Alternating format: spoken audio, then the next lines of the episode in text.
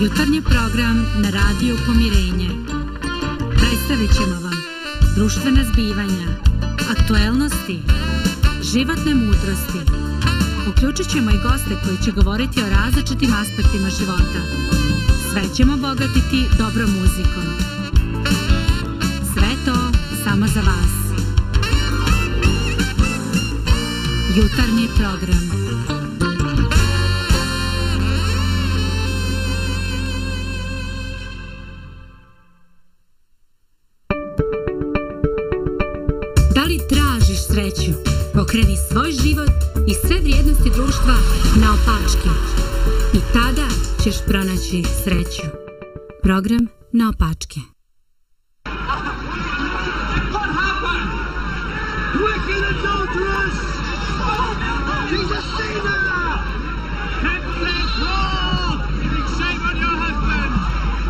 Husband's Door's clear! Start her! She must be judged and sent What is this? She's a sinner! An adulteress! She's gonna be punished according to the law! Take her to the master! Shame on you! Bloody! Stone her! Stone her! Master, what should we do? This woman has been caught in the act of adultery. She should be punished according to the law. What do you say? Answer, Master. We want to know your opinion. Yes, tell us. Is it right to kill her? He among you who is without sin, let him cast the first stone.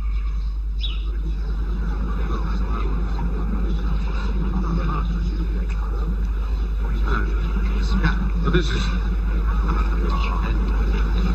This is Come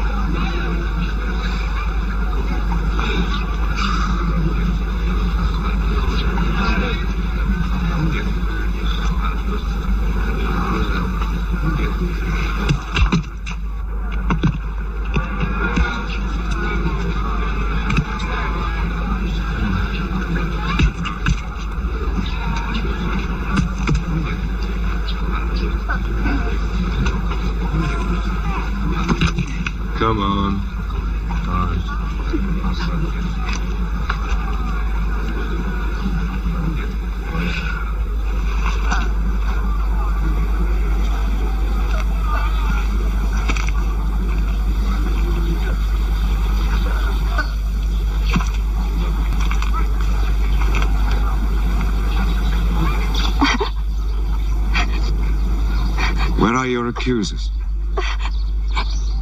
Is there anyone here who's condemned you?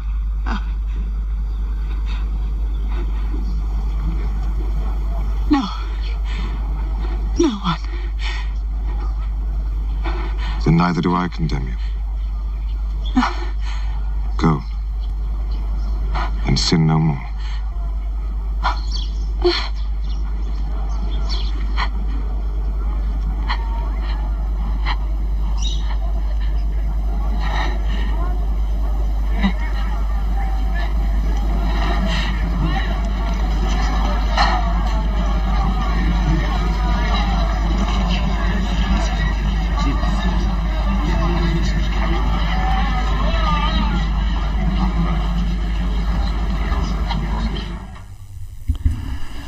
Pozdrav svim našim gledalcima i slušalcima Radio Pomirenja.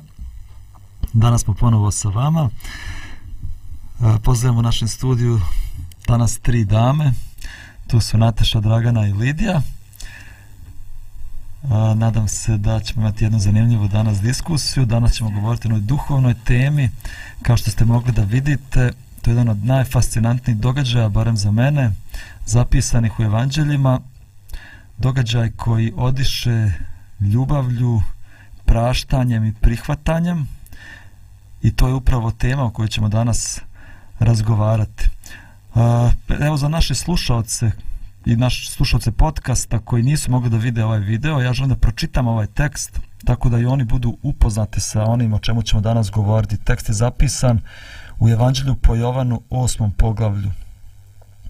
A Isus ode na Maslinsku goru, a ujutro opet dođe u hram i sav je narod dolazio k njemu i on sjede i učaše ih. Tada književnici i fariseji dovedoše jednu ženu, uhvaćenu u preljubi, pa je postaviše u sredinu i rekoše mu, učitelju, ova je žena uhvaćena baš kad je činila preljubu, a Mojs je nam u zakonu naredio da takve žene kamenjem ubijamo. Šta ti kažeš na to?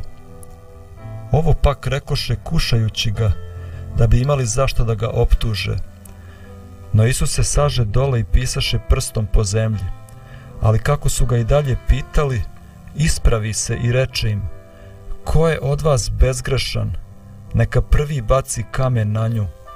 I opet se saže, te pisaše po zemlji. A oni čuvši to, izlažahu jedan po jedan, počevši od najstarijih do posljednjih. Tako osta Isus sam i žena stojeći na sredini. Isus se tada ispravi i reče joj, ženo gdje su? Ni jedan te ne osudi. Ona reče, niko gospode.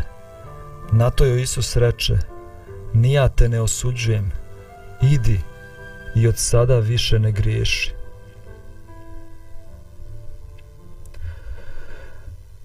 Ovaj događaj je sličan onom o kome smo pričali prije nekih desetak dana.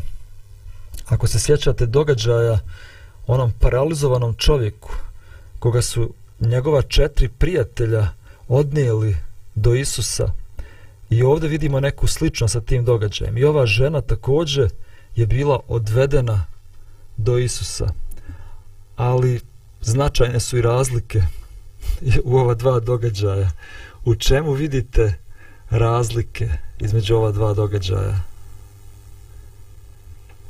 Ja, pa, onaj ko gleda izvana, učinit će mu se da u jednom i drugom slučaju uh, radi se o nekom pravljenju reda, kao da se hoće nešto popraviti, ali to je samo ovako na izgled. Onaj ko je u tom društvu jednom ili drugom znaće o čemu se radi, a, u onom prvom događaju mi je još uvijek to mi je još uvijek u sjećanju i baš mi je bilo prelijepo kako, kako, kako smo otvorili to kao jedan cvijet kako su um, prijatelji tog čovjeka donijeli uh, bolesnog čovjeka rušili pred sobom sve prepreke što treba.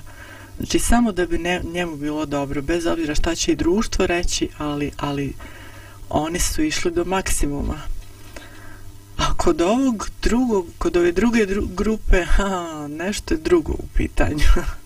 kod njih je bila osuda u pitanju. Jedne osobe, e, bez obzira šta će i društvo reći, jer oni su ipak neka elita, neće njima ništa reći, ali da oni kažu nekom drugom nešto, neku poruku, da se uzvise iznad nekoga i tako. Mm -hmm. Hvala ti, hvala ti, Dragana. Pa, to su totalno dva različite motiva. Um, jedni imaju motiv da ih osude, um, za, prvo zato što se osjećaju superiorno ovaj, duhovno, ali ne samo to, ovaj, njihovi motivi su toliko um, zli na neki način i um, toliko pogrešni, ali ono što je mene um, iznenadilo je da je efekat uvek isti. Kada ljude dovedeš kod Isusa, bilo da sa željom da ih optužiš ili sa željom da ih izlečiš, a svi koji budu dovedeni kod Isusa budu izlečeni. I bez obzira šta ljudi planiraju, šta ljudi žele za vas, čak i kada imaju najgore motive za vas i kada žele da vas gurnu, da vas osude, da vas spuste, da vas, da vas unište, da tako kažem, a, kako god u Isusovom prisustvu vi uvek budete izlečeni.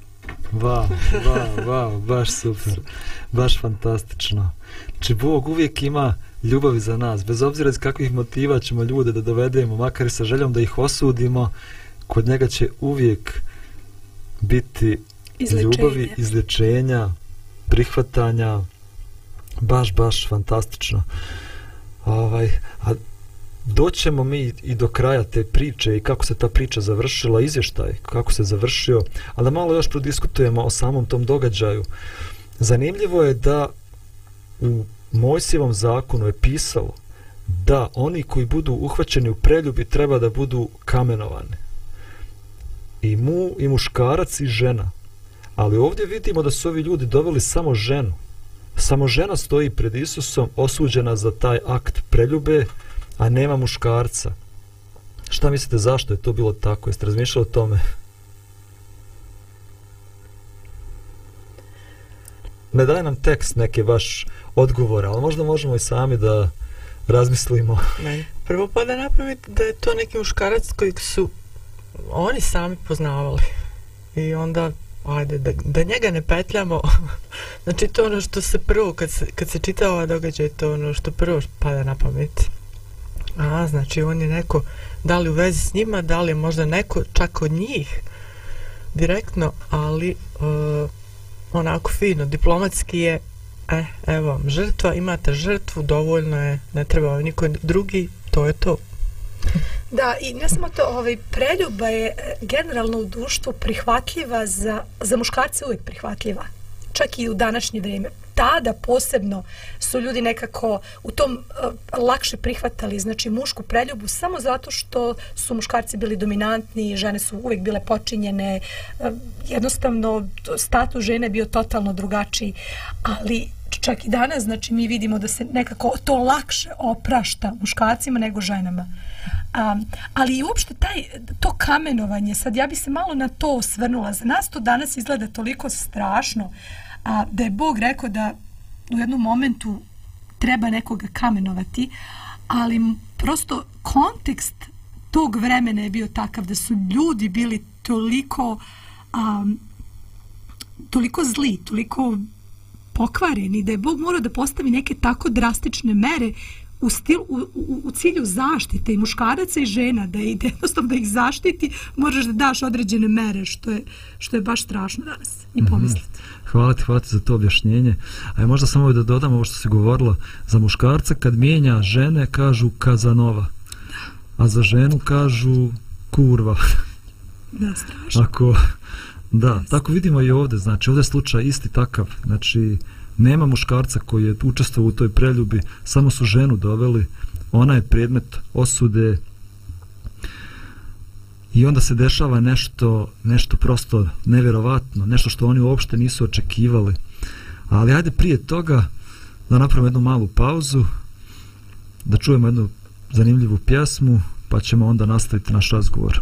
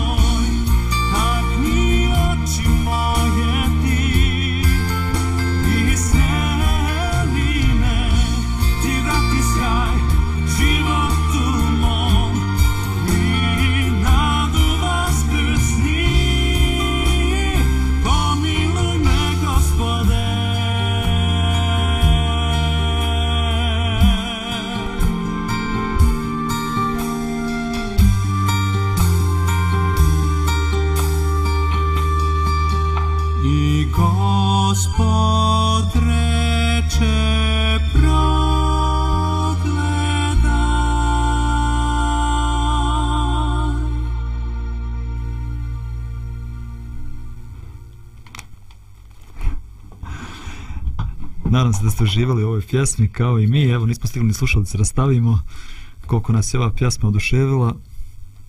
Uh, vraćamo se na ovu našu priču o ženi uhvaćenoj u preljubi koja je dovedena pred Isusa. Inače, tekst nam kaže kako su ovi ljudi u stvari imali neku skrivenu agendu. Oni su u stvari htjeli ne samo da osude ženu, nego su htjeli da uhvate Isusa u jednu zamku. I zato su ga oni pitali, Isuse, šta ti kaže, šta treba uraditi sa ovom ženom? A misle u sebi, ako kaže kamenujte, u stvari ako pokaže milost, reći će, nije poslušan prema Mojsijevom zakonu. Ako kaže kamenujte, optužit će ga rimljanima, koji su zabranili jevrejima da izvršuju smrtnu presudu. Tako šta god da kaže, naće se u neprilici. Tu je žena koja drhti od straha i krivice, žena koja izgubila svaku nadu, žena koja vjeruje da će upravo uskoro umrijeti, a njeni tužioci je čak i ne vide. Sve o čemu razmišljaju, sad smo ga uhvatili. Stoje sa kamenom u ruci i samo čekaju na Isusovu riječ. Prije nego što idemo dalje, prije nego što ih osudimo, hajde se prvo zapitamo Evo ja ću pitati Draganu i Natašu, ali ovo je pitanje za sve vas, dragi gledalci. Jesi li nekad držao kamen u svojoj ruci? Kako izgleda kad držiš kamen u svojoj ruci, usmjerena nekog drugog? Pa kamen u ruci je uvek nekako posljedica superni, superiorne duhovnosti, da tako kažem. Znači, ako ja osjećam, i svi imamo nekako i dobre strane i loše strane. Znači, svi imamo neke dobre crte karaktera i one malo slabije crte karaktera. I onda kada se ja kad ja pogledam sebe, ja se uglavnom fokusiram, vidim svoje dobre strane i prosto ono, ajde malo da se potopšem po ramenu, znači vidi kako sam ja dobra. A, I onda to uvek, znači i kada prepoznam neke slabosti kod druge osobe, znači ja sam spreman da osudim zato što ja to ne radim, ja nisam takva, ja sam super. E, I to onda i tu nastaje zapravo problem. A, mada u slučaju ove žene, svi ti, ti si sad rekao da su te strelice bile u stvari usmerene protiv Isusa, a ne protiv te žene. Žene na neki način samo tu bila kolateralna šteta.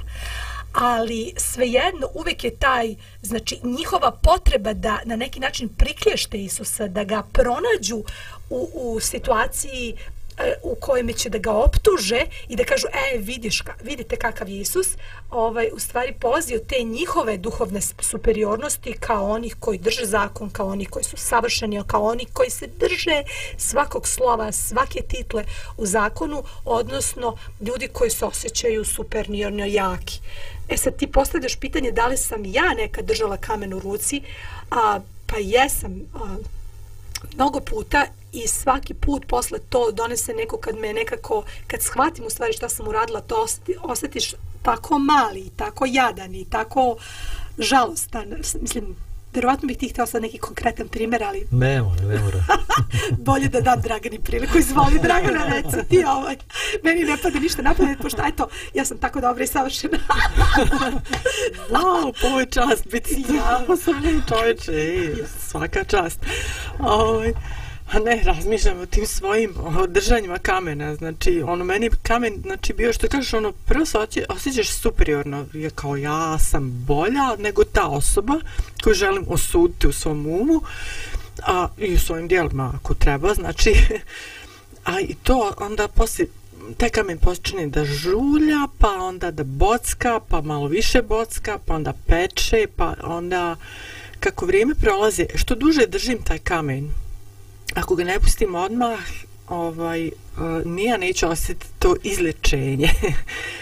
a, a ono što sam duže držala u ruci, kao da, da se slijevalo, znači, to je obično upoređujem sa, sa lavom. Volim upored takve uh, osjećaje, uh, uh, kako se zove to, uh, kad, kad se poniziš pred Bogom, onako, kad priznaš svoj grijeh, kao da te nešto peče iz početka, znači, kao da ti neko sipa lavu vrelu, znači, kroz tebe, znači, i to, to te razara, znači, to je, to je strašno.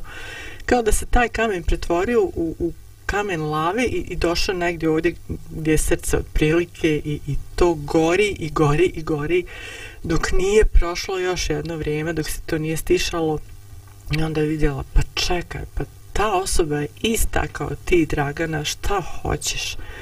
Načinio je svoju grešku tad i šta onda? Jesi ti ikad načinila grešku? Nis, ma nemoj.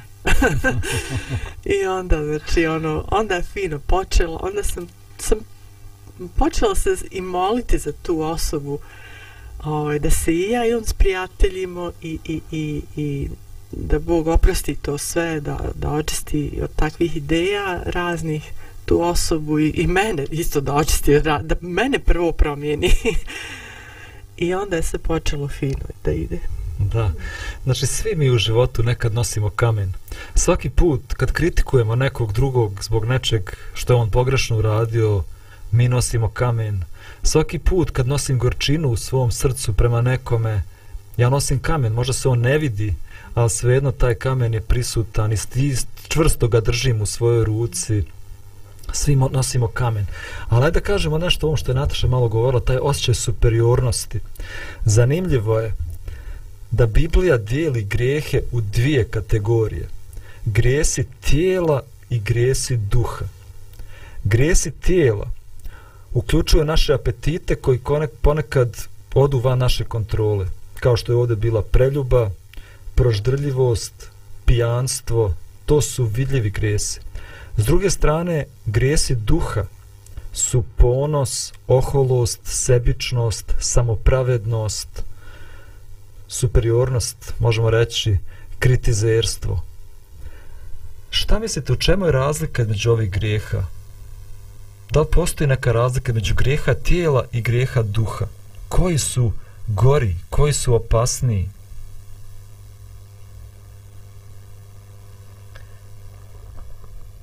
Hmm.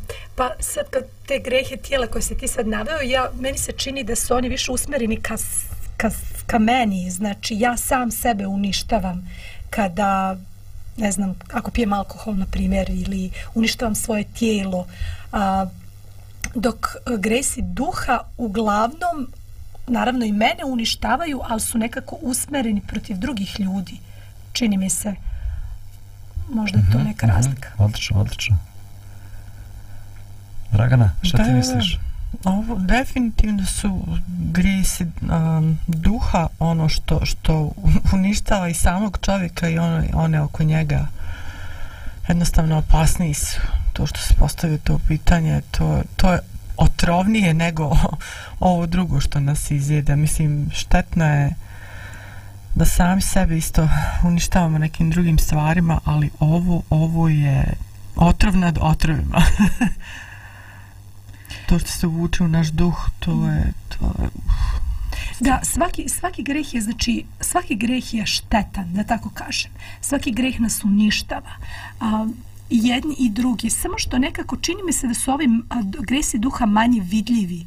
Da mi to nekako sakrijemo vešto. Da mi njih opravdavamo. Ja kad vidim nekoga ovaj, ko uništava sebi, ja odmah pružim prst i kažem halo. Ali samim tim što pružam prst, ja, ja, ja imam taj greh duha ko to sam totalno nesvesna. Tako da ti gresi duha su definitivno ovaj, ponos, oholost. Um, ja, ti obično imaš običaj da kažeš da ali dobro, to ću tebi dati da kažeš. Kaš, kaš, slobodno. Da ljudi, da su grehi si a, duha opasni zato što nas prečavaju da volimo. da, da, to je, to je tačno. Moj, sam sam htio da pitam, jeste nekad čuli da je neka crkva, neka organizacija, firma sankcionisala nekoga zbog grijeha duha? zato što je ponosan, zato što je ohol, zato što ogovara, zato što zavidi, zato što spušta druge i zato što rijetko. Zato što mi ne pridajemo toliko pažnje grijesima duha. Mi smo šokirani kad vidimo grijehe tijela kad vidimo da neko učinio preljubu pa o tome se priča sav komšiluk to spominje i priča ali grijesi duha kao što su ponos i oholost, o njima ne pričamo baš mnogo. Evo jedan zanimljiv citat jednog poznatog britanskog teologa C.S. Lewisa koji kaže ovako Grijesi tijela su loši, ali oni su najmanje loši od svih grijeha. Sva najgora zadovoljstva su duhovna. Zadovoljstvo da ubijedim druge da sam u pravu, da šefujem, da dominiram, zadovoljstvo moći ili mržnje, jer u meni postoje dvije stvari koje se nadmeću sa ljudskim bićem koje želim da postanem. To su životinsko biće i đavolsko biće. Đavolsko biće je gore. Zbog toga hladni, samopravedni cjepidlaka koji redovno ide u crkvu može da bude mnogo bliži paklu od prostitutke. Meni je ovo tako jedan moćan citat kojeg često spominjem. Kaže, To nama postoje dva bića, životinsko i džavolsko. Ovi grijesi tijela, to su životinski grijesi, životinski porivi, ali ovi grijesi duha su džavolski grijesi. Šta misle o tome? Hladni, samopravednici je pidlaka koji redovno ide u crkvu, bliži paklu nego neka prostitutka. Pa meni se desilo to, kad si to spomenuo, znači, mm, toliko sam bila, možda nije bilo ni toliko sad veliki grijeh, ali mene je jako opteretilo kao da, da, da sam bila na rubu smrti, tako nekako, ono, tako, kao da sam željela da, da, da me više nema i ono, palo mi je na pamet, reko, kako ove divne žene koje su prostitutke, one imaju taj grijeh, zašto ja nemam taj grijeh, zašto moram da imam tako težak grijeh? I da, uporedila sam taj svoj duhovni grijeh sa, sa grijehom neke žene koja je to učinila, mislim. I to mi nije bilo ništa šta je ona učinila. To, puh, ništa, kao da nekom kažeš, ne znam, neku, eto tako, malo ružniju riječ, ništa više, to je to. Ali ovo sam doživjela kao da me vuče bukvalno u smrt. A dobro, oslobođena sam toga. A, ali mm -hmm. super je kad je čovjek svestan tog svog greha. Ja mislim da je najveći problem tih a, tog a, greha duha je to što smo totalno nesvesni da ga imamo. Ja mislim da smo mi slijepi za njega. I, i ako, nas, ako nam Bog jednostavno ne otvori oči, ako ne, ne učini, znači ako nas ne osvedoči u tom grehu, mi možemo da živimo sa time i dalje sa tim osjećajem superiornosti i ako ne tražimo znači neku pomoć prosto to može da pođe mimo nas i da smo totalno nesvesni i da nastavljamo znači da živimo sa time. Ja mislim da je to kao nekako je podmukla. Znači imam utisak da su ti gresi duha baš onako podmukli. Kao diabetes koji te onako grize iznutra ti nemaš pojma. Dok ne uzmeš test i shvatiš wow ok, vidiš da ti nije dobro već se na kraju ljuljaš i pao ti je šećer i katastrofa, pankras više ne radi a ti si totalno ono nesvestan. A i kad si svjestan ovaj, ovaj duhovni grijeh, mislim, ono, znaš, to nam služi kao neka zaštita, ne znam, ne ja, kao neki uh, štit, ne znam, kao što borci imaju štite, znači, ono, ono, znači nešto čvrsto, to mi shvatamo kao nešto, to je čvrsto, to nima slabost, to je moja, onako, baš, to je plus kod mene, neka dobra osobina, ponos i tako to, to, to ja pravim sebi oko sebe zid, oko sebe zidove i šta znam šta već treba. Znači to je nešto fenomenalno.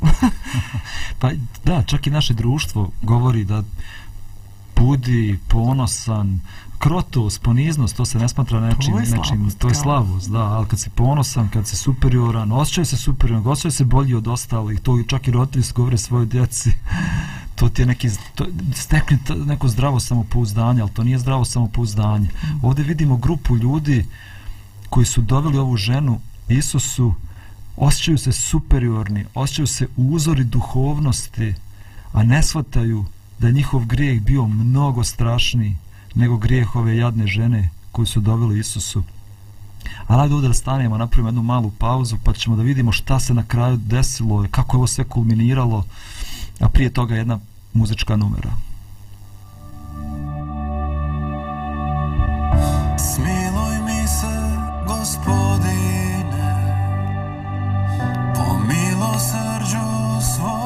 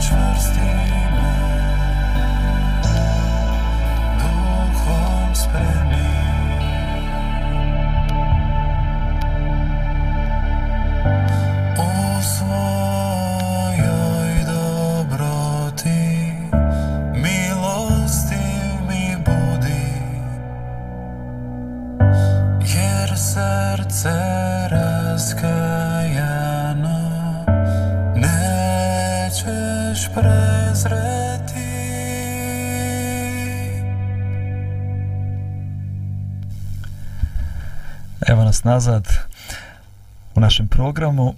Prije nego što pređemo na nastavak ove naše teme o osudi, prihvatanju, superiornosti, bacanju kamenja, imamo za danas dobre vijesti koje dolaze iz Prijedora. A danas sam došao na tu ideju zato što sam juče prolazio kroz prodavnicu Tropik u Banja Luci, tamo sam vidio jedan veliki kavez, jednu veliku željeznu kutiju gdje se ljudi pozivaju da ubacuju hranu za životinje, za pse, mačke, životinje koje žive na ulici. I tako puno ima tih na, namirnica već skupljenih u tom kontejneru i onda sam se sjetio moje prijateljice Ine Ritan. Ina Ritan živi u Prijedoru i ona brine o napuštenim psima. Na svom porodičnom imanju ona ima i drži više od stotinu pasa u nekakvim privremenim objektima i gdje god naiđe na psa napuštenog, povrijeđenog, ona se nekako smiluje na njega, dovede ga na to svoje imanje. Eto kao što sam rekao, već ima više od stotinu tih pasa na svom na svom posjedu, na svom imanju u, u prijedoru.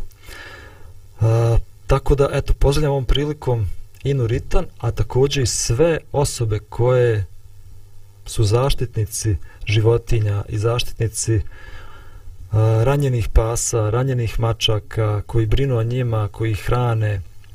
Pozivam i sve naše gledalce također da se uključe.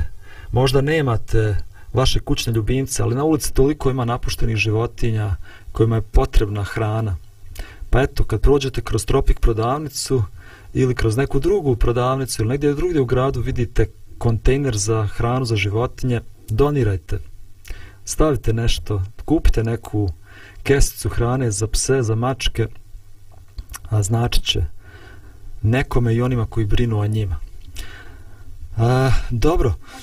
Ova dobra vijest, da danas nisam znala šta će biti, ovaj, to su tako dobre dušice, morate, ovaj, prosto morate ih voleti, zato što su tako, svaki, svaka ta životinja, znači nekako posebna, a nekako nismo uopšte ni svesni ovaj, kako su divne. Ta Bože Da, možemo jednom i emisiju da napravimo o tome mm. za, zašto su i životinje često agresivne i jednostavno mi ljudi smo ih učinili da, da se brane, jednostavno da moraju da se čuvaju. Zato reže, zato grizu, što se plaše nas ljudi, ali kad su ljudi dobri prema životinjama, one su tako odane i vraćaju ljubav. Čak su i mnogo odani nego ljudi. Dobro. Dok sam bio u Sarajevu, tamo sam vodio jedan centar za međureligijski dijalog. I tu sam imao priliku da razgovaram sa ljudima različitih religija. I ono što sam mogao da zaključim, da u svim religijama, bukvalno svim religijama, se dešavaju iste stvari. U svim religijama imate ljude koji su bacači kamenja. Imate ljude koji su zaduženi, oni su sami sebe zadužili da brinu o redu, da brinu o propisima, da brinu o svakom slovu zakona i kad se dogodi nešto što krši taj njihov red ili taj njihov, njihovo slovo zakona, oni su odmah spremni da bace kamen, odmah su spremni da osude. Šta mislite, zašto religije koje uglavnom promovišu ljubav opet stvaraju toliko mnogo bacača kamenja? Pa ja pretpostavljam zato što religija ima tako visoke standarde za dobro. Kada imate jako visoke standarde i ako imate ljude koji, koji se drže tih standarda, neminovno pre ili kasnije osjetite neku vrstu moralne superiornosti.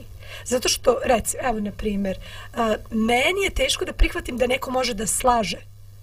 Zato što sam odgajana da nikad ne lažem.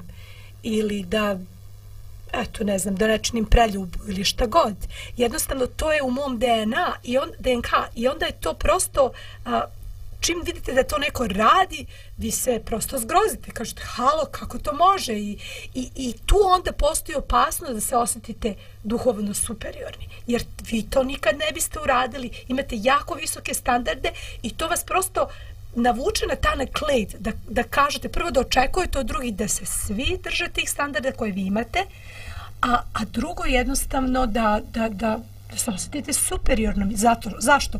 Pa ako bi svet bio na moj način, znači kad bi svi radili to što ja radim, ovaj, me, ovaj svet bi bio mesto, bolje mesto za život i to jeste tačno sa jedne strane, ali taj sam moj stav bacanja kamena u isto vrijeme uništava odnose sa drugim ljudima, stvara gori svet, a, stvara bunt u ljudima i kaže šta ako si ti takav, ja ne želim ništa da imam veze, nikakve veze sa religijom. Ako ću ja da budem bombardovan od strane religioznih ljudi, želim bre da budem deo takve zajednice. Mhm. da, da li bi stvarno svijet bio bolji kad bi bilo više bacača kamenja, ne, nisam to mislila, ali kada bi se ljudi držali moralnih norvi... Bilo bi reda, bilo bi propisa, imate države, ne znam, nija, e, gdje odsjecaju ruke ljudima koji krše neki zakon. Da. A da li je to bolje društvo? Problem je što mi ponekad shvatimo da, pogotovo religiozni ljudi, da je cilj religije da držim svaki propis u svom životu, a zaboravimo da je cilj religije u stvari ljubav. Da to najveći standard kome treba da težimo i kome je u stvari najteže biti poslušan, jer najteže je živjeti životom ljubavi. Lakše je bacati kamenje. to svi znamo iz svog iskustva. ok. I onda ovdje imamo nešto zanimljivo. Oni su doveli ženu pred Isusa, njega stavili sada u zamku, šta će on odgovoriti? I onda Isus radi nešto što oni nisu očekivali. Tekst kaže kako Isus sjedio, sjedio tu u dvorištu hrama i on počinje da piše. Piše prstom po pjesku. Ne znamo tačno šta je pisao, ali neka hrišćanska tradicija nam govori da Isus pisao u stvari njihove grijehe. Ali nije ih pisao na nekom papirusu gdje to moglo da se sačuva, nego ih je pisao na, na pjesku. Šta mislite, šta je, zašto Isus to uradio? Kakva je to bila poruka koju Isus njima upućivao? I onda im kaže čak, piše te grijehe, oni gledaju šta sad on tu radi. I onda on njima kaže, ko je od vas bez grijeha? Neka baci kamen. Šta mislite o toj njegovoj izjavi? Ovo što je pisao na pjesku, znači to, to može samo rukom ovako da pređeš preko toga i već nema zapisanih grijeha. Ne ostaje ništa iza toga. I to je nešto što, što Bog želi da poruči svakom čovjeku. Ti imaš sad svoje grijehe i to sve to može čak ispoljiti i šta znam pričati o tome neko vrijeme, ali to, to će nestati ako ti želiš. Ako stvarno budeš ostavio to iza sebe. I ovaj i on je on je Bog je tako ne znam uvijek uvijek želi da da čovjeku bude uh, nekako i njegova i desna ruka i, i lijeva i njegovo rame i sve sve želi čovjeku da bude samo da čovjeku bude bolje Super, super. Pa nekako prosto, koliko ja vidim, Isus je stalno govorio o tome. On kaže, recimo, zašto bacaš kamen? Znači, zašto, zašto vidiš trun u, u oku brata svojega, brvno u svom oku ne osjećaš. Znači, Bog uvek vraća znači, lopticu u naše dvorište. A, pogledaj sebe, pa, ko je od vas bez greha? Isus kaže, svakome sam potreban i ovome i onome i tebi prvom. Znači, prvo počisti u svom dvorištu, pa ćeš onda moći da pomogneš drugima da počiste u svom. A znači, to je, to je neprestani proces gdje mi neprestano ovaj, dolazimo u Isusa da nam pomogne da počistimo dvorište svoje. I, i bo, Isus se neprestano vraća na to. I u ovoj situaciji Isus kaže, ko je od vas bez greha? prvi ste, znači ja koji sam savršen, ovaj, sam uvek spreman da prihvatim čoveka kome je istinski žao zbog greha koji se kaje, a vi, vi znači jedva dočekate da osudite. I to je, to je u stvari nekako tragedija nas ljudi. Mhm, upravo tako. Ja bih rekao da Isus ovdje im govori i nama govori danas da u njegovom zajedništvu, u njegovoj zajednici nema mjesta za bacača kamenja, I mislim da je dobro to da se sjetimo svi mi koji želimo da slijedimo Isusa u svom životu. Ako želimo da pripadamo njemu i ako želimo da pripadamo njegovoj zajednici, onda u toj zajednici nema mjesta za one koji bacaju kamenje. I naravno, ostaje nam na kraju još ovi ljudi, jedan po jedan. Znači, Isus im kaže, kod vas je bez greha neka baci kamen i dešava se nešto nevjerovatno. Jedan po jedan kamen pada. Jedan po jedan oni ostavljaju to svoje kamenje. Osjećaju se naruženi od svoje savjesti. Bacaju to svoje kamenje na pod i odlaze. Isus ostaje sam sa ženom. I onda joj govori nešto što će totalno da transformiše njen život i da promijeni njen život. A prije toga, hajde čujemo još jednu pjesmu pa ćemo onda da damo jedan zaključak za ovu temu danas.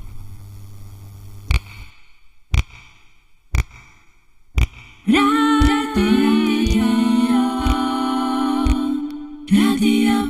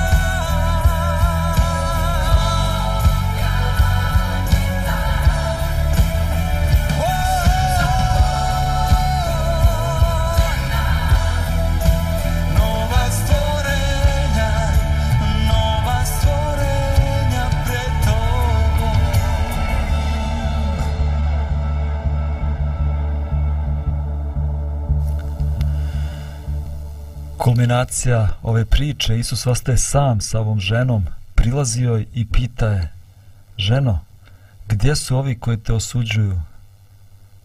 I ona kaže, nema ni jednog. A onda i on kaže, ni ja te ne osuđujem. Nema više osude.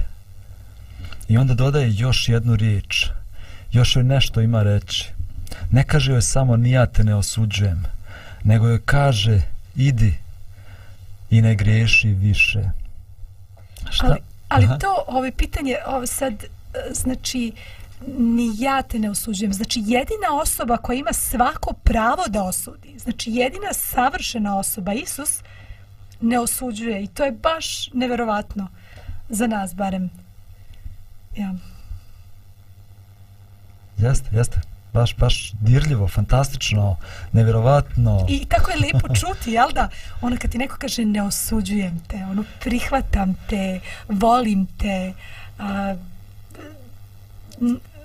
znači ono mislim na tebe u smislu dragocena si mi. On je tu na to njenom su... nivou i ono zna, nije superioran znaš on, on koji ima svako pravo da bude taj. Ja znam ja posjedujem svemir ja ovo ja ono.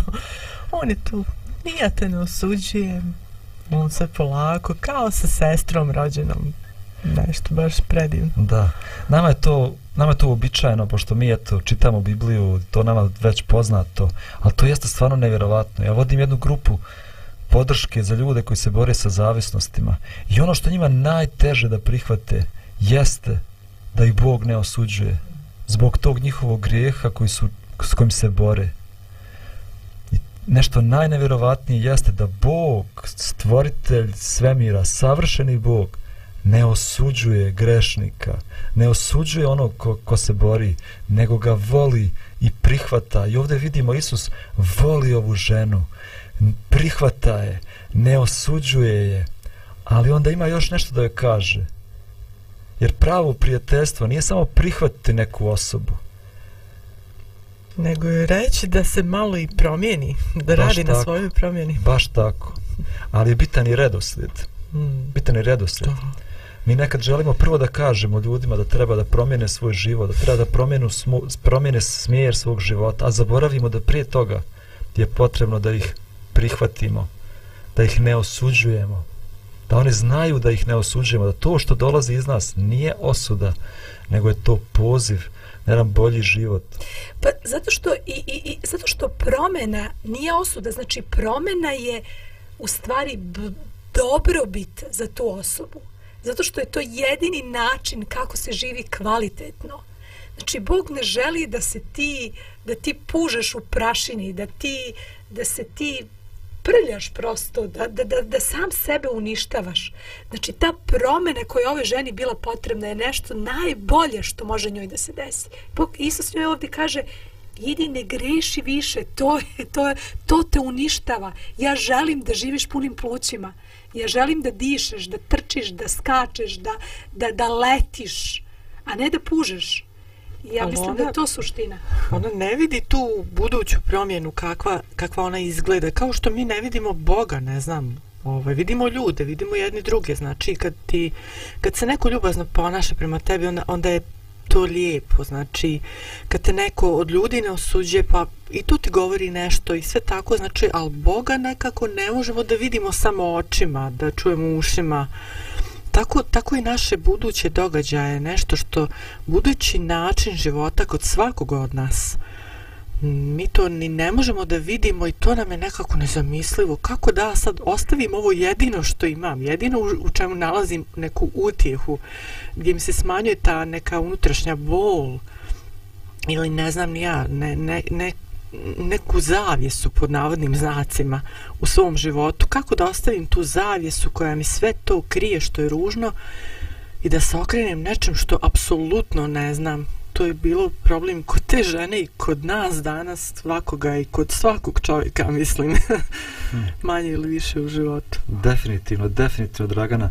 Sinoć sam baš pričao, sinoć sam imao tu grupu podrške, imam online grupu podrške, tu ima nas pet ljudi, četiri, četvorca njih koji se bore sa zavisnostima i pričamo s jednim čovjekom koji je potpuno iskren i govori o svojim padovima, ali mi na kraju zaključimo da ti njegovi padovi, ta njegova zavisnost, prosto on ne želi da se toga oslobodi, zato što je to jedino mu donosi malo zadovoljstva u životu, pa makar to bilo i destruktivno po njega, ali barem tih 15 minuta, pola sata, imaće neko zadovoljstvo u životu i pobjeći od realnosti života.